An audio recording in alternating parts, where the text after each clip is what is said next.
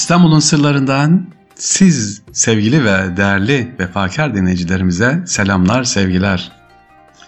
Efendim bir İstanbul sırlarından daha sizlerle birlikteyiz inşallah. Bugün sizlere ne konuşalım diyoruz sevgili dinleyiciler. Hani tutturmuşlar var ya batıda sanki sadece orada varmış gibi bir hayvan hakları var. Bu hayvan haklarından bahsetmek istiyorum efendim. Evet hayvan hakları acaba Osmanlı'da nasıldı? Osmanlı dönemi İstanbul'unda nasıldı? Biraz ondan bahsetmek istiyorum. Ee, sevgili dinleyiciler birçok Osmanlı şehrinde özellikle kar yağdığında ve soğuklar bastırdığında şehirlere ve kasabalara inen aç kurtların ve kuşların beslenmesi için belli yerlere düzenli şekilde et, ciğer, sakatat, darı, buğday atılırdı o dönemde. Özellikle İstanbul'un dışında. Neden? Şehre gelmesin diye ve bununla ilgili İstanbul Belediyesi'nin yani şehre emaneti özel bir ekibi vardı şehre girmeden ormanlık alanda bulunan soğuk kış günlerinde ne yapılsın dikkat edilsin diye. İstanbul'da mesela sevgili dinleyiciler Koca Mustafa Paşa semtinde Evhaddin ya da Hacıvat Cami diyebilirler. Hacı Evhaddin Camii var. Bu vasiyetinde bir cami yaptırıyor ve diyor ki burada bu camide kedilere diyor ciğer dağıtılacak. Kedilere ciğer dağıtılacak. Ama nasıl ciğer dağıtılacak? Ama öyle 1 kilo 2 kilo değil. 7 kilo diyor her gün ciğer dağıtılacak. Bunlar dilimlenecek. Ayrıntı detay da vermiş. Kedilere bakım yapılacak. Başka yine İstanbul'da 5 tane vakıf var farklı. Neyle ilgili bu vakıf? Sadece leyleklerle ilgili. Evet, leyleklerin bakımı, yaralı leylekler. Eğer o sene uçamamışsa, gidememişse onun bir yıl boyunca yani tekrar diğer arkadaşları ya da gelene kadar, cinslere gelene kadar bakımın üstlenen vakıflar var. Hasta şifasına uğraşan vakıflarımız var. Osmanlı'da böyle bir sistem vardı. Şimdi Fransız seyyah Thiont diyor ki 1656'da İstanbul'a geliyor ve onun gördüğü manzara şöyle. Bunu bir Fransız seyyah anlatıyor. Türklerin bazıları ölürken haftada şu kadar defa şu kadar köpeğe ve şu kadar kedi yiyecek verilmesi üzere iratlar yani miras bırakır.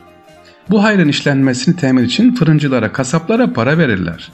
Ve onlar da bu gibi vasiyetleri büyük bir sadakatle ve hatta dindarane bir riayeti yerine getirirler. Onun için her gün et taşıyan bir takım kimselerin şartı vakıfa göre yani köpekleri veya kedileri çağırıp etraflarına toplanan hayvanlara et parçaları atışları görülecek şeydir diyor. Fransız söylüyor bunu.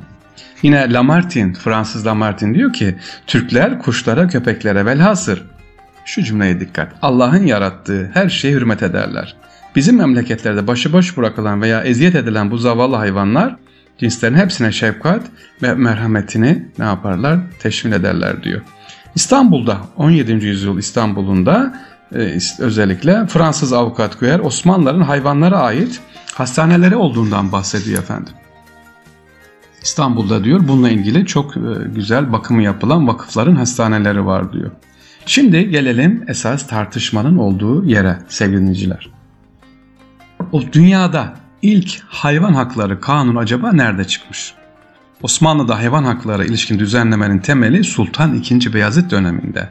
Fatih'in oğlu Evet 1507 tarihinde Bursa, İstanbul ve Edirne Belediye Kanunnamesi'nde hayvanların konulmasına ilgin hüküm var sevgili dinleyiciler. Kanunnamenin 58. maddesini okuyorum hayvan hakları ilgili. Diyor ki, ayağa yaramaz beygiri işletmeyeler, at eşek ve katır ayağını gözeteler ve semerin göreler, ağır yük vurmayalar. Çünkü dilsiz hayvanlardır, hamallar ağır yük vurmayalar, makul olalar. Sonra 3. Murat zamanında 1587'de yapılıyor tekrar. Diyor ki sokaklarda görüyoruz ki bazı hayvanlar başıboş ve yaralı. Başı boşuna demiyor da yaralı diyor. Niye yaralı? Bunlara diyor eziyet edilmesin. Bu hayvanlar derhal toplanıp tımarı yani bakımı yapılsın diyor. Bunlar bizim dünyada ilk hayvan haklarına sevgili dinleyiciler e, örnek seçkilecek bir tanedir. Mesela İstanbul'da Süleymaniye Camii'ne gittiniz biliyorsunuz. Süleymaniye Camii'nde bir çeşme vardır sevgili dinleyiciler. Girişte ama çeşme farklıdır çadıra benzer. Çadır çeşmesi ya da hesap çeşmesidir. Bunun özelliği nedir? Oraya çadır kurulur her gün yevmiyelerini oradan alır işçiler çalışanlar.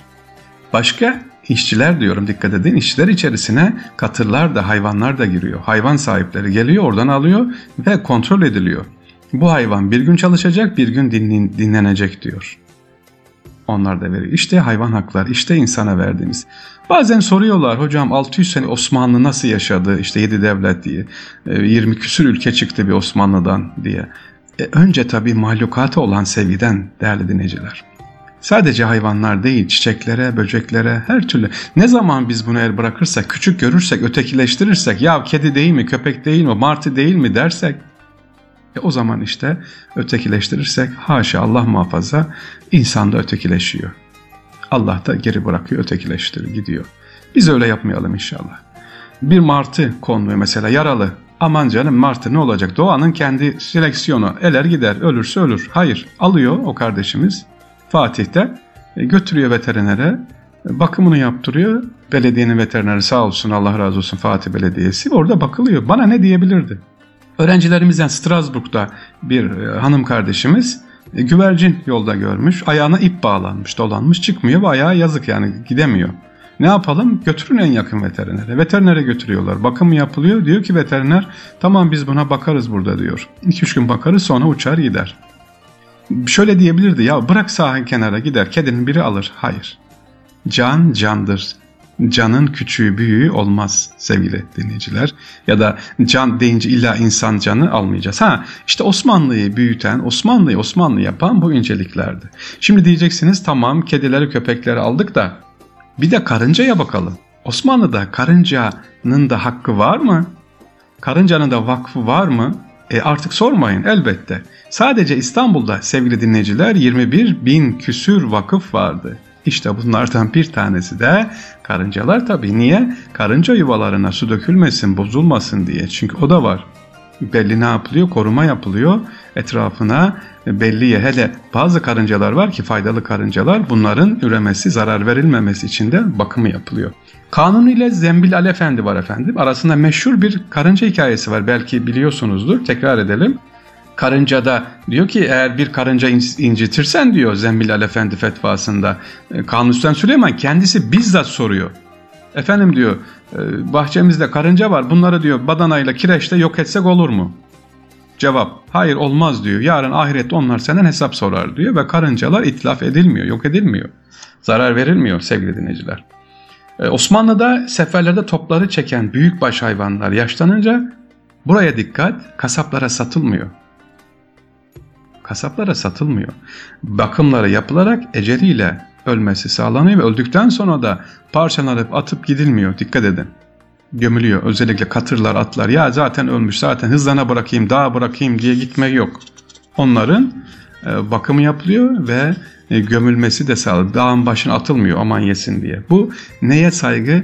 Onu yaratana saygı işte sevgiliciler. Atı kim yarattı? Katır kim yarattı? Geçen Allah rahmet etsin Profesör Doktor Doğan Ceceloğlu'ndan dinledim.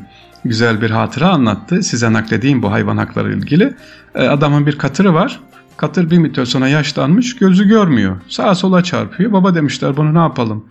E, bırakalım gitsin. Kendi kendine daha. Yok demişler. Öyle mi? Tamam.